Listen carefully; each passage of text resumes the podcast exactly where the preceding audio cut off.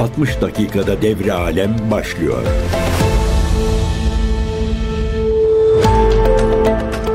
CGTN Türk Radyo'dan herkese merhabalar. Ben Erkin Öncan. Dünya turumuza başlıyoruz. Bugün e, yörüngedeki turumuza Kuzey İrlanda'dan başlayacağız. Kuzey İrlanda'da 5 Mayıs 2022'deki parlamento seçimlerinden ikinci çıkan Demokratik Birlik Partisi İngiliz hükümetinin yazal düzenlemesine tabi olacak şekilde Kuzey İrlanda'da güç paylaşımını yeniden tesis edecek anlaşma üzerinde mutabık kaldı parlamento seçimlerinden birinci çıkan ve İngiltere'den ayrılığı savunan Sinn Féin'da anlaşmazlık yaşadı e, ve e, Kuzey İrlanda'daki Demokratik Birlik Partisi'nin lideri Jeffrey Donaldson bir açıklama yaptı ve partisinin Kuzey İrlanda'da iktidar paylaşımını yeniden tesis edeceğini duyurdu. Donaldson ayrıca bunun da İngiliz hükümetinin müzakerelerde mutabık kalınan yeni yasal tedbirleri masaya yatırması ve hayata geçirmesine bağlı olduğunu ifade etmiş. Anlaşmanın Kuzey İrlanda'nın İngiltere içindeki pozisyonunu koruyacağının altını çiziyor Donaldson. Partisinin ancak İngiliz hükümeti anlaşmayı uygulamaya koyduktan sonra harekete geçebileceği uyarısında bulundu. Donaldson aynı zamanda partisi açısından söz konusu anlaşmanın İngiltere içine taşınan ve Kuzey İrlanda'da kalan mallar üzerindeki kontrolleri kaldıracağını ve Kuzey İrlanda'nın Avrupa Birliği yasalarını körü körüne takip etmesine son vereceğini kaydetmiş. Kuzey İrlanda Belfast Anlaşması'nın Hayırlı Cuma Anlaşması olarak biliniyor bir parçası olarak tasarlanan güç paylaşımı modeliyle yönetiliyor ama bu modelin işlemesi için ince de bir denge kurulması gerekiyor. Buna göre bölgenin yönetim yapısı gereği yerel hükümet başbakanının seçimlerden birinci çıkan Sinn Féin ve ikinci sırada gelen e, Demokratik Birlik Partisi arasındaki anlaşmayla belirlenmesi gerekiyor. Ama son genel seçimlerde tarihinde ilk kez Kuzey İrlanda'da birinci olan Sinn Féin'in yerel hükümet başbakanını belirlemesine Demokratik Birlik Partisi iki yıldır karşı çıkıyordu. Aynı şekilde Kuzey İrlanda'da İngiltere'den ayrılığı savunan bu partinin birinci çıktığı 5 Mayıs 2022'deki bölgesel parlamento seçimlerinin ardından ikinci parti olan Demokratik Birlik Partisi DUP 13 Mayıs'taki yeni meclis başkanı seçim sürecini desteklememesi nedeniyle süreç başarısız olmuştu. Yani bir e, siyasi kriz yaşanıyor özetle. Ve e, seçimlerin ardından parlamentoda dolayısıyla e, yeni meclis başkanı e, seçilememişti ve tartışmalı bir Kuzey İrlanda protokolü var bu konuda. Brexit anlaşmasının bir parçası bu protokol. Birleşik Krallığın parçası olan Kuzey İrlanda ve Avrupa Birliği üyesi İrlanda Cumhuriyeti arasındaki ticareti düzenliyor. Katolik ayrılıkçılar deniyor ve İngiltere ile birlik yanlısı protestanlar arasındaki e, savaşı sona erdiren Belfast Anlaşması gereği kontrollerin yapılabildiği fiziki bir kara sınırı oluşturulamıyor. Bu yüzden kontrollerin ancak denizden e, yapılabildiği bir süreç öngörülmüştü. Tabi bunun uygulanmasında da sorunlar yaşanıyor. Önümüzdeki dönemde yine İrlanda meselesi üzerinden e, bir siyasi kriz patlak verebilir. Konuyu zaten takipteyiz. Amerika'dan devam ediyoruz. FBI'dan bir haber var. FBI ve Adalet Bakanlığı Amerika'nın kritik altyapısını hedef alan bilgisayar konserlığı, korsanlığı kampanyasının merkezindeki internet bağlantılı cihazdaki güvenlik açıklarını gidermek amacıyla mahkeme emri kullandığı öne sürülmüş. Bu bilgisayar korsanlığı hikayesini de Çin'e bağlıyorlar. Çin'in bilgisayar korsanlığı yaptığını Çinli hackerların iddia ediyorlar. CNN'e iki Amerikalı yetkili ve konuyla ilgili bir kaynak konuşmuş. Washington'ın Pekin'in bilgisayar korsanlığı faaliyetlerine karşı aldığı önlemlere ilişkin değerlendirmelerde bulundu diyor. Ee, bu hacker faaliyetlerine karşı FBI ve Adalet Bakanlığı harekete geçmiş. Tabi sundukları somut bir şey yok. Hack faaliyetleri budur. Ee, işte hacker faaliyetlerini yürüttükleri işaretler, dijital izler bunlardır gibi herhangi bir e, ek bilgi yok ama Çinli hackerlar efsanesi belli ki Amerika'da devam ediyor. Çin'in e, bilgisayar korsanlarının yaptığı iddia ediliyor. Livanlar ve ulaşım ağları gibi hassas kritik altyapılara yönelik e, daha fazla erişim için bazı cihazlara e, kullandığına inanılıyor. FBI ve Adalet Bakanlığı'nın bu girişimi Çinli bilgisayar korsanlarının bazı altyapılara erişim yeteneğini baltalama çabası olarak görülse de söz konusu korsanların Amerikan altyapısına hali hazırda sızmış olduğuna da inanılıyor. Microsoft e, bu Çinli hackerlar efsanesine ilişkin geçen yıl bir açıklama yapmıştı. Amerika'nın Çin'in Pasifik'teki faaliyetlerine karşı koyma caydırma çabalarında kritik önemdeki özel toprak statüsündeki Guam'da altyapıyı hedef aldıklarını iddia etmişlerdi. Neden Guam'la ilgili bir tartışma çıkıyor? Çünkü Guam'ın geçen yıl 5000 Amerikan deniz piyadesine ev sahipliği yapması beklenen yeni üs açmak için seçildiği duyurulmuştu. Şimdi orada bir güvenlik tehdidi e, bir güvenlik tehdidi algısı yaratmak zorundalar ki e, bölgeye ilişkin önlemleri de artınsınlar. Amerika gündeminden devam ediyoruz. Amerikan Savunma Bakanı Lloyd Austin 22 Aralık 2023'te gizlice hastaneye kaldırılmıştı ve olay olmuştu. Hastaneye kaldırılması kimseye haber vermemişti. Ee, Beyaz Saray'a ve Amerikan Kongresi'ne kongre düzeyinde bilgilendirmede bulunmamışlardı ve bu siyasi kriz yaratmıştı. E, bunun ardından Adalet Bakanı Merrick Garland'ın da bel, ameliyatı, bel ameliyatı olacağı duyuruldu. Associated Press'in haberine göre Amerikan Adalet Bakanlığı Halkla İlişkiler Direktörü Hoshit Hinosha konuya ilişkin basına açıklama yapmış. Garland'ın 3 Şubat'ta belinden laparoskopik cerrahi operasyon geçireceğini söylemiş. Operasyon yaklaşık 90 dakika sürecek demiş. Şimdi Austin'le ilgili bu mesele olunca hemen e, bilgilendirme yapmışlar belli ki. Ne olmuştu Austin'in olayında? Prostat kanseri teşhisiyle operasyon geçirmişti. Ertesi gün evine gönderilmişti ama daha sonra çıkan komplikasyonlar nedeniyle 1 Ocak tarihinde tekrar hastaneye kaldırılmıştı. Austin'in hastaneye kaldırılışı ise 5 Ocak tarihinde 4 gün sonra Amerikan Savunma Bakanlığı tarafından yapılan açıklamayla ilk kez gündeme gelmişti. Daha sonra da Amerikan Başkanı Joe Biden dahil üst düzey yöneticilerin yanı sıra Pentagon yetkilileri ve kongre üyelerinin de Austin'in hastaneye kaldırıldığını günler sonra öğrendikleri ortaya çıkmıştı. 70 yaşındaki Austin'in hastaneye kaldırılması ve sağlık durumu ile ilgili gelişmelerin yetkililerden ve kamuoyundan gizli tutulduğu ortaya çıkmıştı ve bu da eleştirilere neden olmuştu Amerikan siyasetinde. Ve daha sonra Biden dahil üst düzey yöneticilerin bilgilendirilmemesi üzerine Austin e, tedavisinin bitmekte olduğunu e, açıklamıştı. Tepkiler üzerine Kongre ve Pentagon konuyla ilgili inceleme başlatmıştı. Evet, e, Amerika'daki siyasi krizlerle birlikte Rusya gündemimizden devam ediyoruz. Kremlin sözcüsü Dmitri Peskov'un bir açıklaması var. Şimdi e, Amerika'daki e, Amerikan askerleri saldırıya uğradı biliyorsunuz Ürdün'de ve Amerikan tarafı olayla ilgili olarak İran'ı suçluyor. Ve e, bir misilleme bekleniyor. Şimdi hem Türk medyası hem dünya medyasında Amerika İran'ı vuracak mı tartışmaları e, manşetlerden veriliyor, aktarılıyor. Rusya tarafının bu konuyla ilgili bir açıklaması var. Kremlin sözcüsü Peskov, Amerika'nın İran'a ait tesislere yönelik olası misilleme saldırılarına olumlu bakmıyoruz dedi. Bölgedeki gerginlik düzeyinin son derece endişe verici olduğuna inanıyoruz. Şu anda gerilimi azaltacak adımlar atma zamanı açıklamasında bulunmuş Peskov.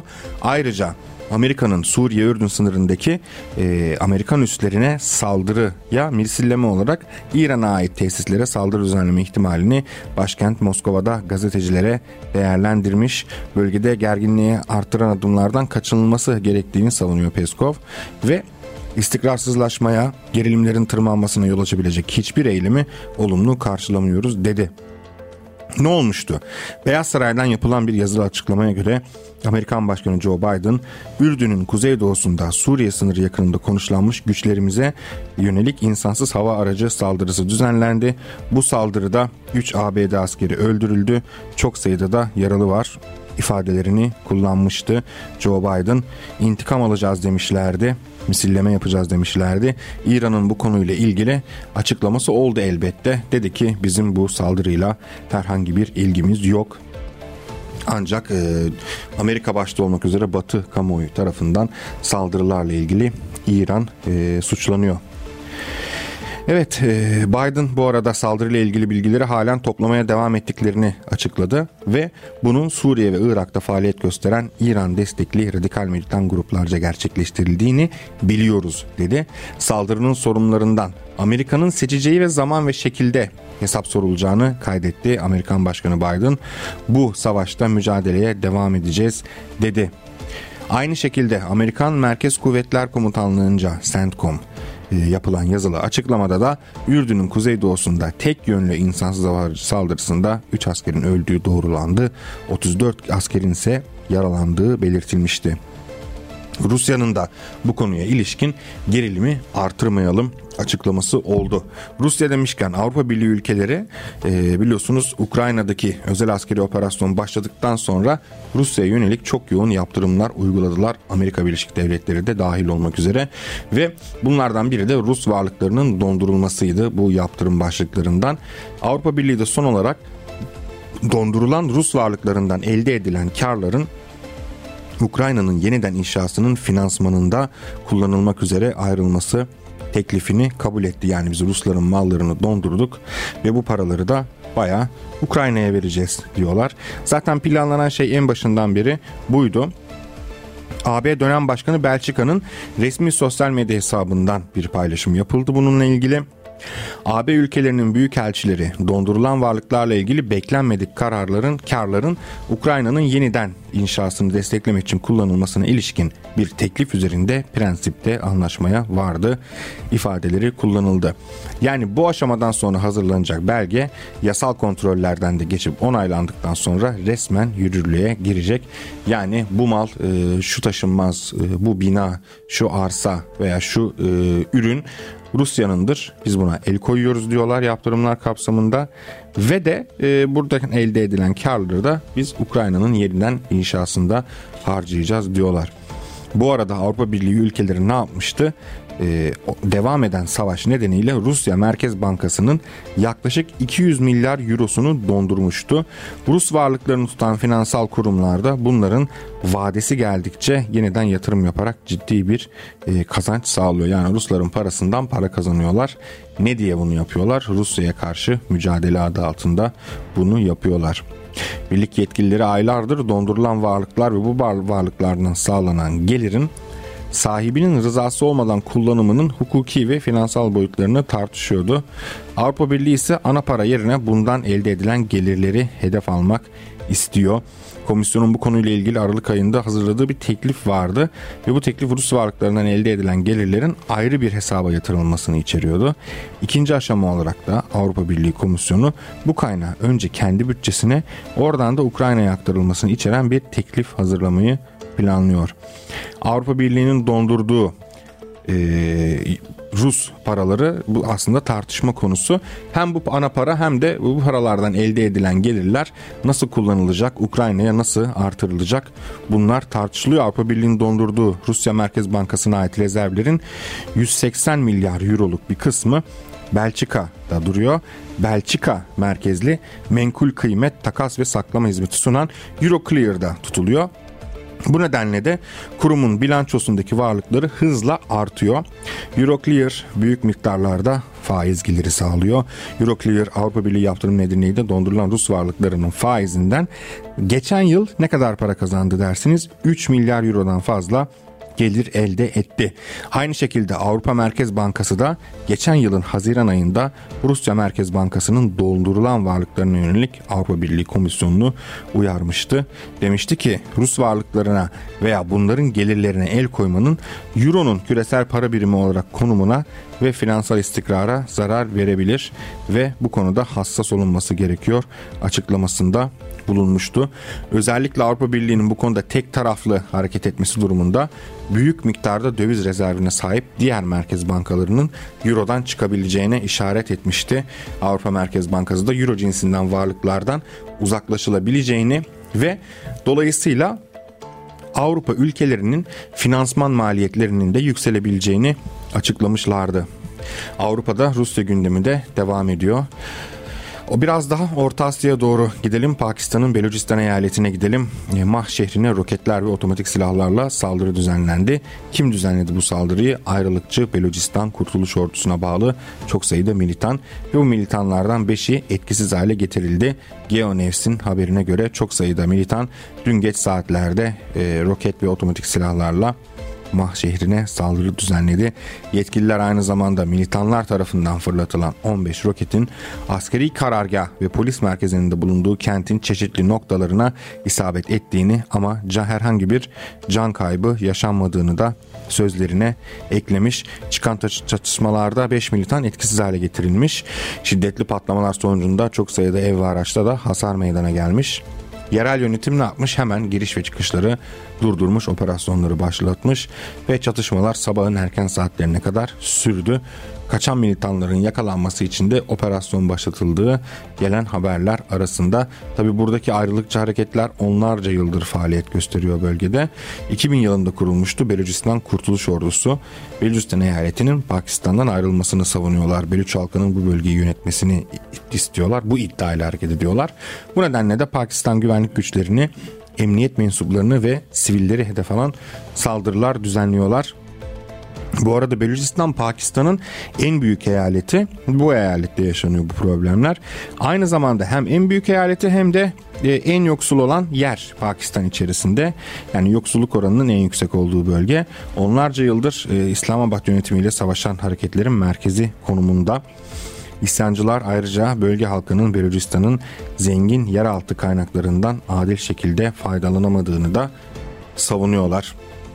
Bir e, huzursuzluk da bir e, siyasi gerilimde Avrupa'dan silahlı çatışmaya dönmese de Fransa'da başkent Paris ve çevresi başta olmak üzere çok sayıda bölgede çiftçiler isyan etmiş durumda traktörleriyle eylemler yapıyorlar. Ee, Paris'in giriş çıkışındaki güzergahlarda traktörleriyle yolları, yolları kapatıyor çiftçiler ve hükümetten taleplerine yönelik etkili adımlar gelinceye kadar eylemlerini sürdüreceklerini söylüyorlar. Dün erken saatlerde başlamıştı Fransa'da eylemler. Gece boyunca sürdü. Çok sayıda çiftçi soğuk havaya rağmen geceleri geceyi traktörlerinde geçirdi. Bekleyişlerini sürdürüyorlar. Yol kenarlarında ateşler yakıyorlar, marşlar söyleniyor, sloganlar atılıyor. ee, ve bu, buna ilişkin görüntüler sosyal medyada e, çok sayıda paylaşım almıştı. Başkentte ana ulaşım noktalarından A1, A5A, A6 otoyolları Paris yönünde, A4, A10, A13 otoyolları ise çift taraflı olarak trafiğe kapatılmış durumda ve e, diğer bazı yollarda da ulaşım e, aksamış durumda. Ve polis kaynakları ülke genelinde 5000'den fazla tarım makinesiyle 10.000'e yakın çiftçinin eyleme katıldığını bildirmiş. Bütün yollar Paris'e çıkar diyorlar. Paris'i kuşatma eylemleri ve e, başkentin en büyük pazarı Rungis çevresinde geniş güvenlik önlemleri alınmış durumda. Çiftçilerin pazara girme girişimleri de engelleniyor. France Blue'nun haberine göre dün Loe Garonne'da, Marmont'ta, Agen ve La Roule'dan traktörleriyle Rungis pazarını kuşatmak için yola çıkan çiftçiler sabahın erken saatlerinde A20 otoyolunun otoyolunun Limoges'e yakın bir noktasında jandarma tarafından durdurulmuş. Bu eylemleri organize eden La Coordination Rural Sendikası X e, hesapları üzerinden bir açıklama yaptılar ve jandarma tarafından traktörlerinin ilerleyişinin engellendiği bir e, paylaşımda bulundular. Güvenlik önlemleri bizi durduramaz diyor sendika traktörlerin otoyoldan çıkarak traktör bu çünkü yani normal yolda gitmek zorunda değil. Yan yollara saptığı anlara ilişkinde videolar paylaştı. Çiftçi Sendikası'ndan da hükümetle müzakerelere devam ediyoruz açıklaması geldi. Ülkenin en büyük çiftçi sendikası e, FNSEA Başkanı Arnold Russo dün akşam saatlerinde Başbakan Attal'la yaptığı görüşmeye ilişkin Europe bir kanalına değerlendirmede bulundu. Sendika Başkanı Başbakan Attal'ın krize yönelik önlemler almada gönüllü göründüğünü söylemiş Rusu. Eylemlerin hükümet üzerinde istenen baskıyı oluşturması için çiftçilerin şiddet ve aşırılıktan uzak durmalarını istemiş. Çiftçilerin eve dönmesi hükümetin atacağı somut adımlara bağlı diyor Russo ve ülke genelinde çiftçiler nerelerde Flos, Agen, Bövü, Rön gibi çok sayıda kentte gelirlerinin az olmasını ve hükümetin tarım politikalarını da protesto ediyorlar. Günlerdir traktörleriyle e, yol yapıyorlar, yolları kapatıyorlar, e, geçiş güzergahlarında engel olup seslerini duyurmaya çalışıyorlar. Tabi yalnızca Fransa'da değil Avrupa genelinde de çiftçiler eylemde. Başta Almanya, Fransa, İspanya, Hollanda, Belçika, Polonya, İtalya ve Macaristan olmak üzere pek çok Avrupa Birliği ülkesinde çiftçiler son dönemde uygulanan tarım politikalarına tepki gösteriyor. Şimdi çiftçilerin tepki gösterdiği, eleştirdiği çeşitli konular var. Neler var bunların arasında? Tarım politikaları Avrupa Birliği'nin e, doğa restorasyon hedefleri, desteklerdeki kesintiler ama en önemlisi de Rusya-Ukrayna savaşı sonucunda ortaya çıkan yüksek enerji, yakıt ve gübre maliyetleri. E, çünkü Ukrayna'nın e, Ukrayna'ya yönelik operasyonun ardından Rusya'ya çok sayıda yaptırım uygulandı ama Rus gazını da kestiler. Dolayısıyla e, büyük e, bir maliyet artışı yaşandı ekonomik açıdan. Aynı şekilde bütün bunlar yetmiyormuş gibi Ukrayna'dan gelen tahıl ürünlerinde de daha ucuza e, Avrupa pazarlarına iletilmesini sağlıyorlar. Bu da Avrupalı çiftçilerin hiç de hoşuna gitmeyen bir şey. Vergiler artıyor, akaryakıt fiyatları artıyor, destekleme ödemeleri yetersiz kalıyor ve dolayısıyla çiftçiler Avrupa'nın çoğu ülkesinde kamu kurumları ve çeşitli kuruluşların önüne giderek çamuru döküyorlar, gübre döküyorlar ya da yolları kapatarak protesto düzenliyorlar. Avrupalı çiftçiler e, Avrupa Birliği'ni şu şekilde de eleştiriyor. Yani yeşil mutabakat kapsamında karbon gübre ve pestisit e, pestisit kullanımına ilişkin katı kurallar getirerek tarımsal üretimi zorlaştırıyorsunuz diyorlar Avrupa Birliği yetkililerine.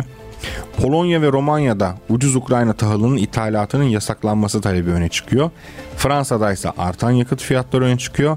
İtalya'da yeşil mutabakat programı öne çıkıyor ve maliyetler e, tepkilerin odak noktasını oluşturuyor. Ağırlıklı olarak e, aslında bir e, Rusya-Ukrayna savaşının ve Ukrayna tahılının e, Avrupalı çiftçileri ekonomik olarak zor duruma düşürecek şekilde e, o kurallarla e, Avrupa pazarına sokulmasıyla ilgili e, dert büyük. Kanada'dan devam ediyoruz. Kanada lideri Justin Trudeau'nun bir açıklaması var. Kanada'da Müslümanlara yönelik e, nefret söylemi, ayrımcılık ve İslamofobide rahatsız edici bir artış yaşandığını söylüyor Kanada Başbakanı. İslamofobiye karşı eylem ve ulusal anma günü kapsamında yazılı açıklama yayınlamış. Quebec City İslami Kültür Merkezi Camisi'ne 29 Ocak 2017'de düzenlenen silahlı saldırıda hayatını kaybedenleri almış Trudeau. Ölenlerin aileleri ve yakınlarıyla dayanışma içinde olduklarını da vurgulamış. Trudeau Son aylarda Kanada'da Müslümanlara yönelik nefret söylemi, ayrımcılık ve İslamofobide rahatsız edici bir artış yaşandı ifadelerini kullanıyor ve yaşanan artış kabul edilemez diyor. Kanadalıların evlerinde, toplum içinde, ibadet yerlerinde kendilerini güvende hissedebilmeleri için çalışmaya devam edeceklerinin altını çiziyor. Ayrıca Kanada Müslümanları Ulusal Konseyi de sosyal medyada yaptıkları paylaşımda Kanadalı yetkililere nefret olaylarının önlenmesi ve İslamofobiye karşı mücadele edilmesi için harekete geçilmesi çağrısında bulunmuşlardı. Peki olay neydi? Trudeau'nun kurbanları andığı olay Quebec City'de 29 Ocak 2017'de İslami Kültür Merkezi'ne camiye saldırı düzenlenmişti. Alexandra Bisonet içeride ibadet eden cemaati otomatik silahlarla tarayarak 6 kişiyi öldürmüş, 19 kişiyi yaralamıştı. Olaydan sonra kaçan saldırgan polis tarafından yakalanmıştı. İfadesinde saldırıyı e, düzenlediğini kabul ediyor e, Bisonet. Daha fazla insan öldürmediğim için pişmanım da diyor. Saldırıda Mamadou Tanuberi, Abdülkerim Hasan, Khaled Belkecami, e, Abdu Ebu Bekir Tapdi, Azedin Sufiyan, İbrahim Beri hayatını kaybetmişti. Ve Trudeau hükümeti de 2021'de aldığı kararla saldırının yıl dönümü olan 29 Ocak tarihini İslamofobiye karşı eylem ve ulusal anma günü ilan etmişti. Şimdi e, tabii ki de dünya genelinde özellikle Batı ülkelerinde e, İslam'a, Müslümanlara yönelik artan bir e, ön yargı var. Bunun çeşitli sebepleri var. E, birincisi ideolojik dünya genelinde sunulan e, Amerika'nın önderlik ettiği Batı üstünlükçü ideoloji Müslümanları daha hakir gören, hor gören bir anlayış zaten e, vardı. İkincisi e, göç krizi göç krizi ve yarattığı sosyal e, problemler aynı zamanda dini e, zeminde de ilerliyor. Çünkü göç edenlerin e, hepsi Müslüman, e, İslam dinine mensup insanlar. Dolayısıyla İslamofobi de bir yandan körüklenmiş oluyor. Ama e, Kanada lideri e, bugün sorsak aynı şeyi düzenlense bütün e, Avrupa ülkelerinin liderleri e, İslamofobiden çok rahatsız olduklarını, İslamofobiyle e, mücadele edilmesi gerektiğini, İslamofobinin çok yanlış bir şey olduğunu söylerler de söylerler. Buna ilişkin işte Kanada'da yapıldığı gibi e, günler ilan ederler, anma e, düzenlerler e, işte İslamofobiye karşı eyleme geçelim açıklamaları olur falan filan. Ama bütün bu problemler neden yaşanıyor sorusunun gerçek anlamda yanıtını hiçbir Avrupalı siyasetçi vermez. Bugün Avrupa'da ve Amerika kıtasında İslamofobi neden artıyor? e, Amerikan veya Batı ideolojisinin Müslümanlara e, biçtiği rolle ilgili bu. Çünkü düşman yaratmak zorundalar Müslümanlardan ve e, dolayısıyla o yaratılan düşman halk içinde bir karşılığı oluyor. Zaten uzun yıllar boyunca bütün mülkün çok sayıda Müslüman ülkeleri sömürdüler. Yeraltı kaynaklarını tükettiler, emip bitirdiler. insanlarını öldürdüler, katlettiler. Radikal İslam'ın, cihatçı terörün çıkışına hem e, etki tepki bağlamında vesile oldular hem de doğrudan IŞİD gibi radikal İslamcı örgütleri doğrudan desteklediler. E, daha sonra ne oldu? E, büyük bir göç krizi yaşandı. Gelenler Müslüman ve göç krizinin yarattığı sosyal problemler, iş gücü maliyetinin azalması, kaçak işçiliğin artması, e, sosyal problemler, suç oranlarının artmasından tutun da e, diğer bütün sosyal e, alandaki başlıkta ciddi problemler yaşandı. E, bu da hem e, aşırı sağ arttırdı, İslamofobiyi arttırıyor hem de e, radikal İslam'ı arttırıyor. Yani aslında istedikleri kadar İslamofobiyle mücadele etsinler.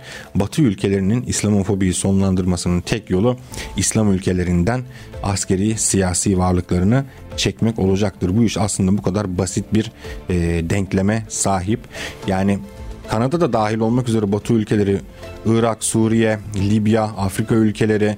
Yani onlarca ülkede onlarca Müslümanı bugüne kadar e, katlet, radikal İslamcı, cihatçı terör çetelerini besle onları o ülkeleri yıkmak için. E, silah yardımı yap, para yardımı yap, istihbarat örgütlerin gitsin onları eğitsin, daha sonra bir göç krizi çıksın insaniyet namına e, çeşitli kullanabildiğin kadarını kullan bu göç olgusunun. Türkiye gibi ülkeleri göçmen hapishanesine çevir verdiğin fonlarla. E, sınırlarını aşsınlar tutama göçmenleri e, aşırı sağ artsın e, göç e, içerisindeki suç oranları da artsın karşılıklı kaos büyüsün ondan sonra e, işte biz İslamofobiyle mücadele ediyoruz dersiniz. E, başta söylediğim gibi yani bunun tek ama tek yolu Batı, kolektif Batı'nın e, siyasi ve askeri gücünü İslam ülkelerinden çekmesidir diyelim. Devam ediyoruz gündemimize. E, NATO Genel Sekreteri e, Jens Stoltenberg'in bir açıklaması var. Ne ile ilgili bir açıklama bu? İran-Amerika gerilimine dair bir açıklama Ürdün'deki Amerikan askerlerine yönelik eylemle de bağlantısı var. NATO Sekreteri Stoltenberg İran'ın bölgedeki istikrarı bozduğunu savunuyor ve bunu e, kendi ülkesinden yüzlerce yüz binlerce kilometre ötede askeri güç barındıran İran'ın burnunun dibine çok sayıda askeri e, sevkiyat yapan İran'ın e, çevresindeki ülkelerin çoğunu askeri operasyon düzenlemiş bir ül- e, ittifakın e, genel sekreteri söylüyor bu arada. Dışişleri Bakanı Amerika'nın Antony Blinken'la Washington'da düzenlediği ortak basın toplantısında söylüyor NATO Genel Sekreteri bu sözleri. Otoriter rejimlere karşı demokratik ulusların bir arada durmasının öneminin altını çizmiş. Güvenlik küresel bir mesele diyor Stoltenberg. Şimdi bu otoriter e, rejimlere ilişkin de bir parantez açmak lazım. Şimdi Amerika'nın veya toplamda kolektif Batı'nın müdahale müdahalede bulunduğu veya e, otoriter bu ülke dediği ülkelerin tamamına bir bakalım. Hangi ülkeleri otoriter diyorlar? Aslında Amerika Birleşik Devletleri, Kanada ve Avrupa Birliği ülkeleri dışındaki bütün ülkeleri otoriter e, ülke diyorlar. E, neden? Çünkü o ülkeler genellikle bir lider figürünün e, çevresinde birleşen ülkeler. E, Türkiye'de buna dahil, e, Çin'de, Rusya'da, İran'da buna dahil. Aynı şekilde daha fazla e, gelenekselci bir ideolojiye sahipler. Ama bu ülkelerin otoriter denen ülkelerin özelliklerine en ortak e, oldukları nokta Amerika'ya ve dünyaya dayattığı düzene karşı olmaları. Şimdi İran'da otoriter bir rejim olabilir.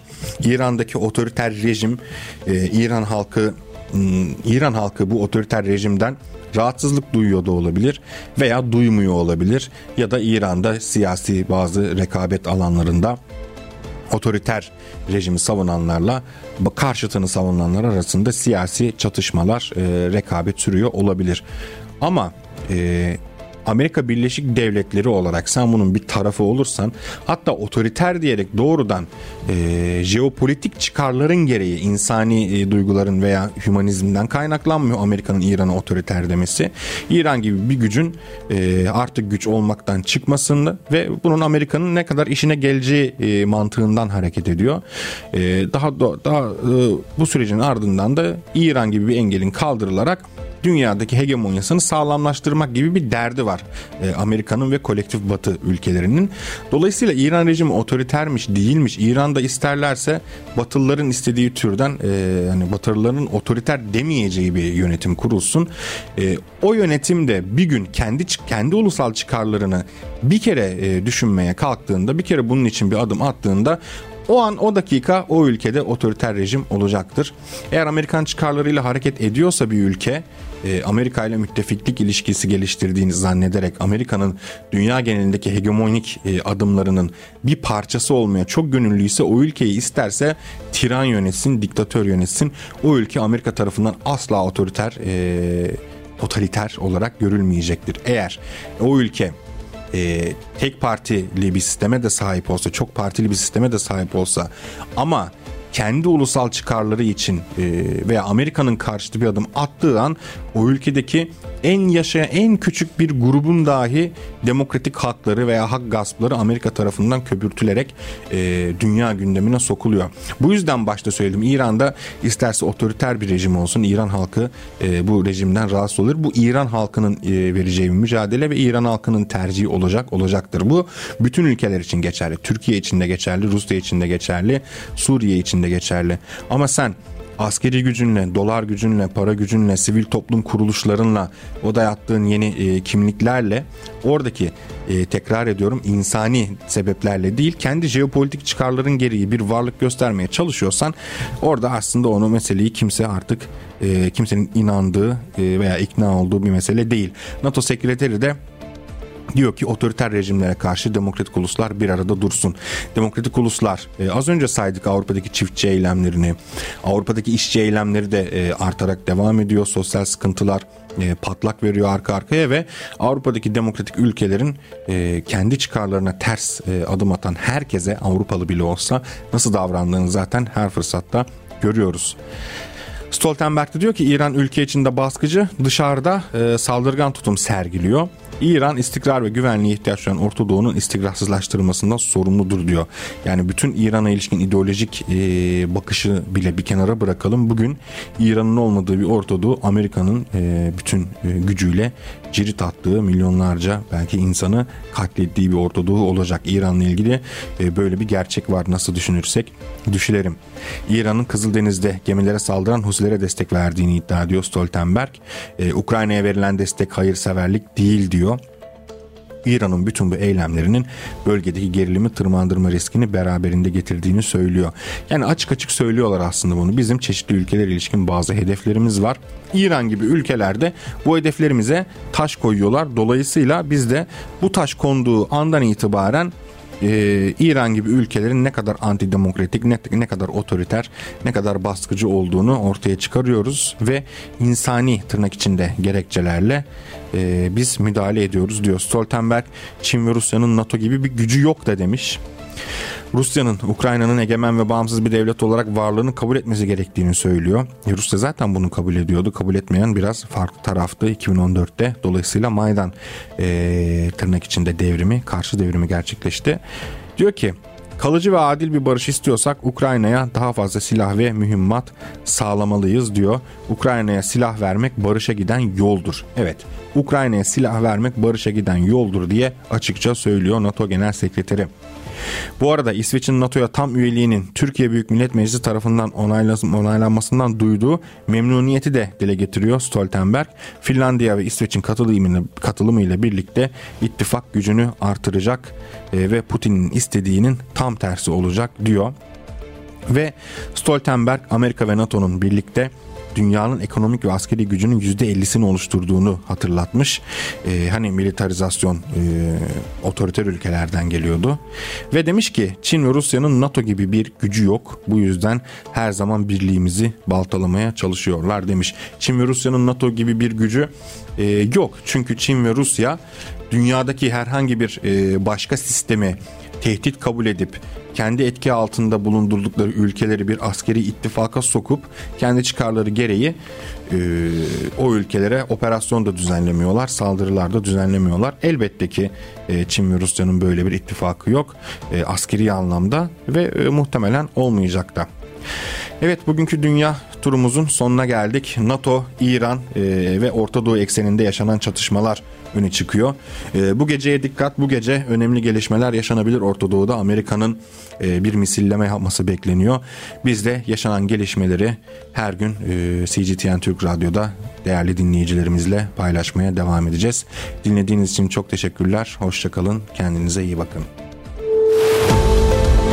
60 dakikada devri alem sona erdi.